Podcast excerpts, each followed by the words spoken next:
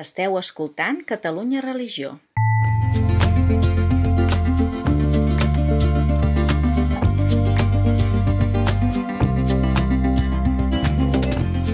Converses en la frontera, un podcast de Gabriel Jaraba i Xavier Morlans.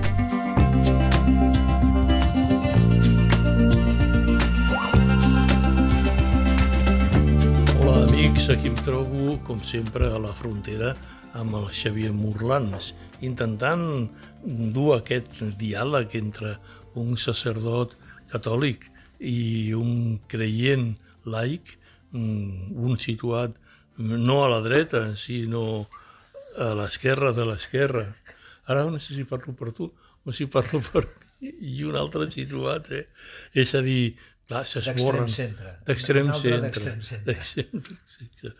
Sí, clar, és a dir, anem per uns camins en els quals aquelles coses que, que abans semblaven molt importants prenen una, una relativitat molt, molt particular, no? Una relativitat no, no fruit de la, del relativisme, sinó de la, de la saviesa de la vida que va passant i la vida que és, que és allò que ens va passant mentre estem entretinguts amb altres coses, com deia el John Lennon, sí. però que en realitat aquesta vida es va imposant i va obligant a, a, a viure, no? l'ofici de viure, no? que deia, no sé si era Cesare Pavese, eh, però clar, mm, cada vegada ens trobem més doncs, que mentre uns pensem en clau filosòfica i en clau intel·lectual, altra gent es pensa en clau més emocional eh, i la gent es mou doncs, per, una, per unes impressions, allò, el que jo sento, no? Això que jo sento no hi ha qui m'ho discuteixi perquè, perquè, és, perquè, clar, perquè és la seva identitat. No? Jo he tingut molt, molts problemes amb, amb determinats entorns d'amics partidaris doncs, d'activitats com el ioga, com la meditació, com determinades disciplines de la mm, psicologia humanista i que, eh, i que m'acaben dient és que tu ets molt mental. Jo dic, coi, gràcies. Eh? Però ho diuen com a, com a retret, no? com si el fet, diguem-ne, de pensar i raonar les coses, intentar explicar-les i explicar-se-les, fos, diguem-ne, un demèrit, no? fos una, una... Hi ha una desconfiança mm, per part de la gent, mm, que és el que ens ha portat al, al terraplanisme, per exemple, davant de que allò que és raonat i allò que és argumentat i allò que es fa mm, intel·lectualment amb la raó, mm, doncs és digne, eh, diguem-ne, de, de sospita i que alguna cosa ens estan amagant i al capdavall hem de creure amb, amb aquesta manera de, de sentir nosaltres. A mi que aquest moviment de recuperació d'una certa pràctica de cura d'un mateix, cura sui que deien abans, a mi que aquest moviment mi sim, sempre em desperta molta simpatia, m'ha cridat molt l'atenció de com mm, pot servir de, de base amb, en, en aquesta mena de, de populisme negatiu. Acabaré dient una cosa, mm, perquè m'agrada saber a tot, mm, tot seguit com, com penses tu. És a dir, aquest moviment ara pot semblar doncs, eh, això, no? una, una mena d'anticipo, diguem-ne, dels populismes.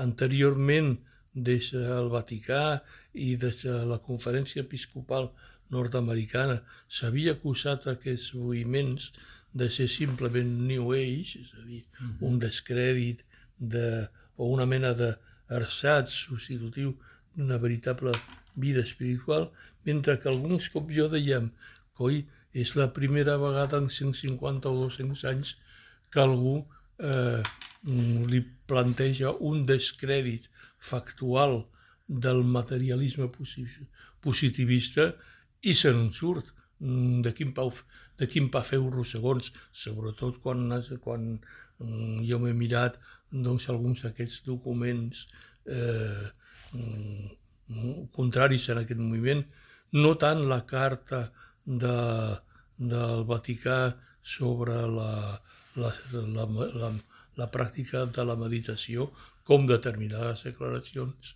dels, dels bispats nord-americans que mi al seu moment m'han semblat, en perdó de l'expressió, francament no només escandaloses, sinó desprovistes no solament de qualsevol fonament raonable, sinó de qualsevol mínim coneixement de la matèria del qual es tractava. Fa mal als ulls i fa mal al cor veure com es desprecia un intent sincer de molta gent, eh, probablement a les eh, capes més mm, clarividents i més crítiques de la societat occidentals per trencar amb el model tancat i opressiu del, del materialisme positivista. No?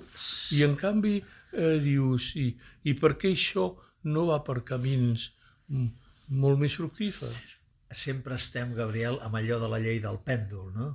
Quan històricament s'ha abusat molt d'una cosa, com per exemple la modernitat ha abusat de, de la raó, sobretot quan és la raó tècnica, la raó freda, hi ha aquest cop de pèndol cap a la valoració del sentiment. Jo sóc el que sento, no? I sempre tenim aquest repte, i potser és una mica la nostra tasca, no? en aquestes converses en la frontera. Ara estem a la frontera entre perdó, la raó i el sentiment. No? I a mi m'agrada molt el filòsof nostre, el Josep Maria Esquirol, en aquesta trilogia esplèndida que ens ha regalat en els últims anys, no? de la, la resistència íntima, la penúltima bondat, més que humans, quan ell diu que fonamentalment som éssers que ens afecta, la realitat ens afecta, aquí potser hauríem de distingir entre afectes fonamentals, afecte de ser pare, de ser fill, de ser amic, d'estimar, d'emocions epidèrmiques. No? Eh, som éssers que ens afecta i la raó arriba en un moment segon per posar nom als efectes. No? I crec que en tot aquest debat entre la raó i la reivindicació de l'emoció, de l'efectivitat, a mi m'agrada buscar aquesta mediació. No? Per exemple, quan parlem aquí, en aquestes nostres converses en la frontera o converses que tu pots tenir, com has dit, no? amb amics teus, de, que fa molts anys que ens coneixem, que havíem compartit lluites en el PSUC, eh, tot el treball de premsa, els diaris, a TV3, en el meu cas, doncs els companys de curs, que no tots van acabar sent capellans, sinó són magnífics professionals, o amb els mateixos companys capellans, quan intentem eh, parlar, això sempre, i amb, i amb les meves nebodes, el repte avui dia és dialogar amb, les, amb, amb els nebots i les nebodes, no? que són els que et diuen, quan fas una mica de crítica, tiet, és que em fas mal, no? Hi ha, ha dues, n'hi ha una que... I, i, I jo ho intento que el raonar sigui posar paraules experiències reals tingudes per la gent. No?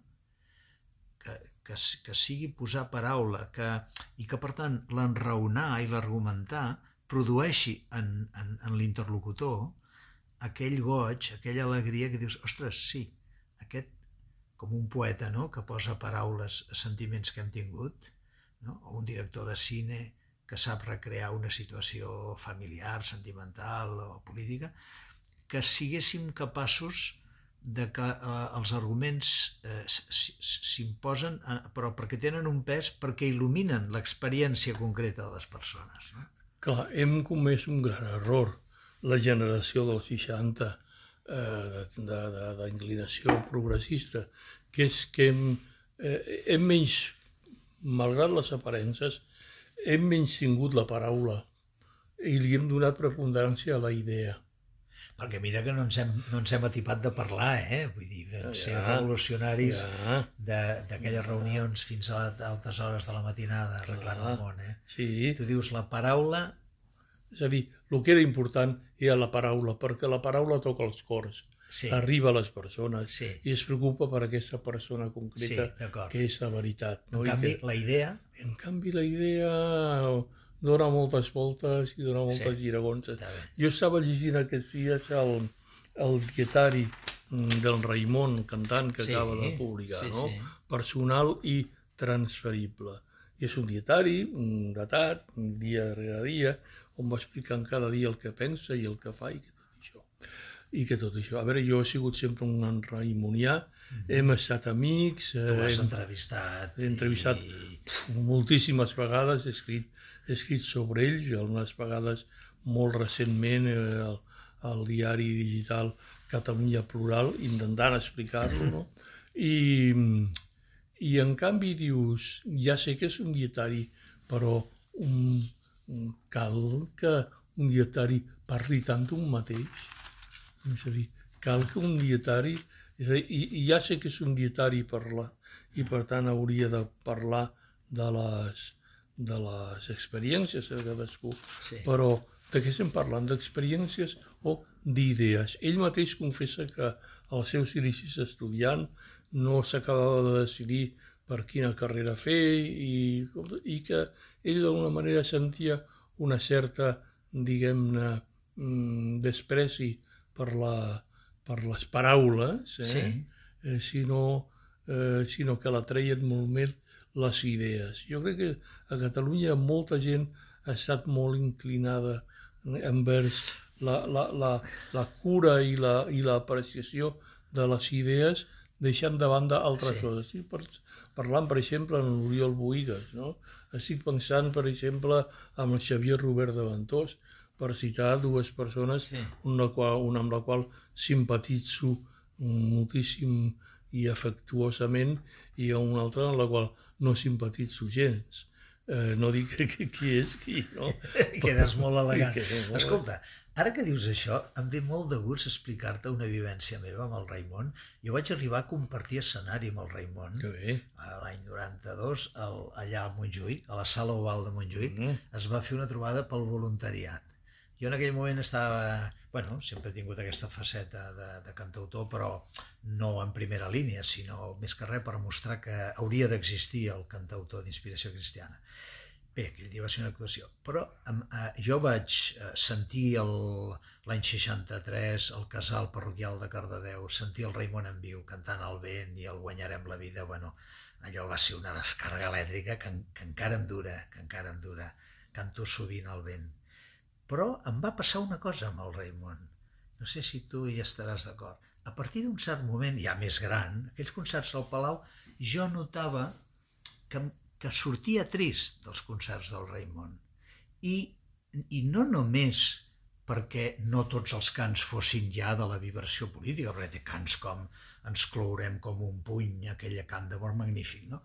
I al final, és clar, vaig arribar a la conclusió que com que jo, pel camí, pel camí, havia descobert molts bons cantautors d'inspiració cristiana, Martín Valverde, eh, Alborada, Migueli i anglesos, ostres, eh, em vaig psicoanalitzar a mi mateix. Xavier, què et passa que surts trist dels concerts del Raimon? I dic, ja ho sé, ja ho sé. O sigui, un home amb tanta sensibilitat, només a la primera cançó, només a la primera cançó diu Buscant a Déu. Eh, corregeix-me si no és veritat. En cap altra cançó surt alguna crítica a l'Església, merescuda, de cantant algun cantant d'aquells d'aquells de l'edat mitjana, però jo, dius, un home de tanta sensibilitat, com és que ni com per enyorança, per hipòtesis, per protesta, no surt cap, cap reclam de, de la transcendència, d'una transcendència en T majúscula. Jo entenc que la transcendència del Raimon és la mateixa transmissió de la cultura, la fidelitat a un país, la fidelitat a una llengua, la fidelitat a les classes subalternes, no? Eh, què en penses d'aquest psicoanàlisi meu? Jo penso que el Raimon representa molt, d'una manera molt, molt transparent i mm, clar, meridia, clarament meridiana eh, una constitució d'un home intel·lectual mm, progressista d'esquerres eh, a Europa. Mm -hmm. No només a Catalunya ni a Espanya, No, no, a Europa. no, a no, Europa. és- és és un home del seu temps i un home del seu moment. I això comporta, amb el que hem anat veient, um, comporta tenir que fer front amb unes, a una sèrie de reptes que jo no sé si, si hi, ha en aquest, hi, ha, hi ha en aquest moment persones tan fortes com per poder fer-li front, ni que siguin persones amb una ment i un cor tan forts com el propi Raimon. Jo crec que la tasca supera, eh? supera la, la, la, la, la, el, el repte. A veure, en un món, que és un món europeu, on, on un personatge com Mikhail Gorbachev fracassa tan rotundament davant d'un repte tan, tan terrible, eh, dius, ostres, eh, qui és el guapo que és capaç, diguem-ne, de tirar endavant amb això? Clar, eh, tu trobes que hi ha mm, partits, com el Partit Comunista Italià, precisament, per citar un qual, als quals Raimon estava molt proper per raons familiars, eh, que, que no, ells no tenen cap problema en reconvertir-lo en un, en un, en un PD i en un PD, no? en un partit, Partit democràtic. democràtic. Sí, però qui reconverteix l'esquerra comunista de la- de l'Alemanya de l'Est? Que fins i tot ara, aquesta, aquests mateixos dies, s'ha volgut, eh, s'ha volgut eh, eh, reconvertir un altre cop en un partit d'extrema esquerra, però que no sigui ni tan sols l'esquerra, que si tu la deixis dir l'Inca, eh, sinó que fins i tot el, és curiós perquè li diuen en aquest nou partit el nom de la seva lideressa, eh, és la, la Lliga o la- l'associació de Sofie eh, com Wagenknecht. Sí. I dius, ostres, és a dir, jo crec que és una... Ens hem posat els que ens considerem intel·lectuals a, a Europa una tasca superior a les nostres forces. Vols dir que hauríem de ser capaços de reconciliar la modernitat amb la transcendència, la, la raó crítica amb la humilitat de l'home a la dona que diu Pare nostre que estàs en el cel. I la capacitat de, de, d'admetre un pluralisme, un pluralisme social i cultural Va. que, que, que, es, que es dona als Estats Units, tot i el trumpisme. Sí. Per exemple, el desconeixement de la, per part d'Europa de l'esquerra nord-americana, Sí. eh, que, que, que resulta evident quan, quan Barack Obama arriba a ser president, la gent es queda parada. Ah. Escolti'm, eh, Barack, aquest Barack Obama és el que quan fa pocs mesos passa per Catalunya, per Barcelona, doncs puja a Montserrat que coneixeu i hi ha una foto on se'l veu donant la mà i fent una inclinació, Una de cap inclinació de reverència davant de l'abat de, Sí. de, de, clar, i, diu, i la gent, oh, aquesta foto, tret de, poca gent ha tingut la valentia de publicar-la en portada i ha estat convenientment amagada, eh? però és que, clar, la gent segueix sense saber que el senyor Barack Obama és membre d'una església cristiana, en aquest cas una església luterana, luterana que es diu The United Church of Christ i que és una església doncs, un progressisme social i espiritual mmm, que fa faradat, no? Mm -hmm. És a dir,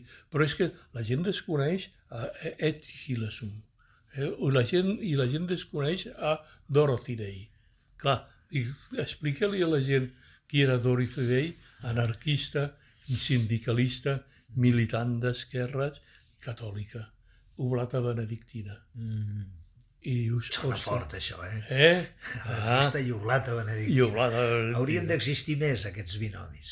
Clar, clar, Aquests binomis. clar, perquè aleshores, eh, clar, diries, ostres, és que aquesta, i aquest pluralisme que és el que em porta a mi a determinades contradiccions personals, si és, que ho, si és que ho són, però un, una persona no pot tancar els ulls a determinades realitats. Una persona no pot girar-se d'esquena i una persona no pot negar allò de, que era una frase no d'un autor no cristià, sinó romà i pagà, que era mm, res del que és humà més aliè. No? Clar, ostres, eh, i jo crec que quan jo vaig conèixer el Raimon, eh, m'acabava de casar, vivíem també per a prop del passeig Maragall, i anava, dia sí, dia no, anava a casa el Raimon Carai. a, a, a parlar de coses, a, a intercanviar papers, a prendre notes, etc.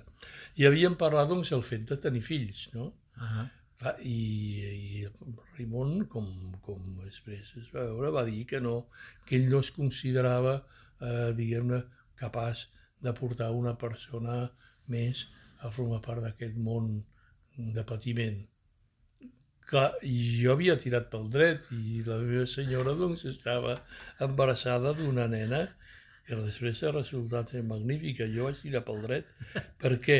Perquè l'imperatiu són les persones i no les idees, no? Ah. I jo crec que a, a Europa estem massa eh, pendents que si la idea és... Per exemple, hi ha una paraula que entre la gent d'esquerres s'utilitza molt com a elogi per dir que és, aquest és coherent o que és una persona coherent. A mi em sembla horripilant. A mi si em diuen que sóc coherent m'emprenyo, perquè vol dir que en ara, en, en, en, en virtut d'aquesta recerca de la coherència, sí. m'estic perdent coses humanes i molt humanes a les quals tinc que prestar atenció interessant. Això. Penso jo modestament i puc estar sí, equivocat. Sí, sí. Suposo que hauríem de distingir entre la coherència d'aplicar els principis ètics que un té, no? Com tot és la, una cosa és l'ús i l'altra l'abús. No? Mm, clar, i en el cas de l'abús és a dir, o oh, el, el contrari de la coherència aquesta seria la hipocresia. Uh -huh. Un el que no pot ser és, és, és a dir, que, la seva, que els seus actes diguin el que, el que diuen les seves, les seves paraules, però aquesta coherència, doncs, de, que, tu, que aquesta coherència, o falsa coherència, sí. el que obliga és a sacrificar les actituds ètiques de posicionament sí. als quals obliga la humanitat per la fidelitat sí. amb unes idees que responen mm, generalment a estratègies polítiques de sí. tercers sí. i a lògiques de política de blocs. Diríem que la coherència ha de ser amb el cor, no? amb la consciència. I amb la gent. I amb la gent, i amb les persones. Sí. I no tant amb les idees. La, la, sí, sí, sí. I és com aquell I que els deia... esquemes mentals i els programes que un ha cregut de jove. Amb un britànic, eh, no recordo qui era, potser George Bernard Shaw, que deien que és que vostè canvia molt de, de manera de pensar, i ella jo veig que jo quan les circumstàncies de la realitat canvien, canvio jo també. Ah. En canvi, la coherència aquesta en què determinats personatges de la política espanyola i catalana en subsequia, mmm, dius, a veure com un pensa, eh, fa falta molta incoherència i, i molt oportunisme, eh, en el pitjor sentit de la paraula, com el que té el Pedro Sánchez, per treure'ns els, els catalans d'aquest eh, excés diguem de coherència que ens afecta i ens porta al desastre. En qualsevol cas, en aquests temps complexes, com deies al començament, és important que cadascú trobem la manera d'aquesta cura interior, no? aquesta, aquest desenvolupament, aquest poder posar paraules el que sentim. Segurament això donarà per alguna altra conversa. Jo crec que sí, jo hi tornaré. Hi tornarem. Gràcies, amics.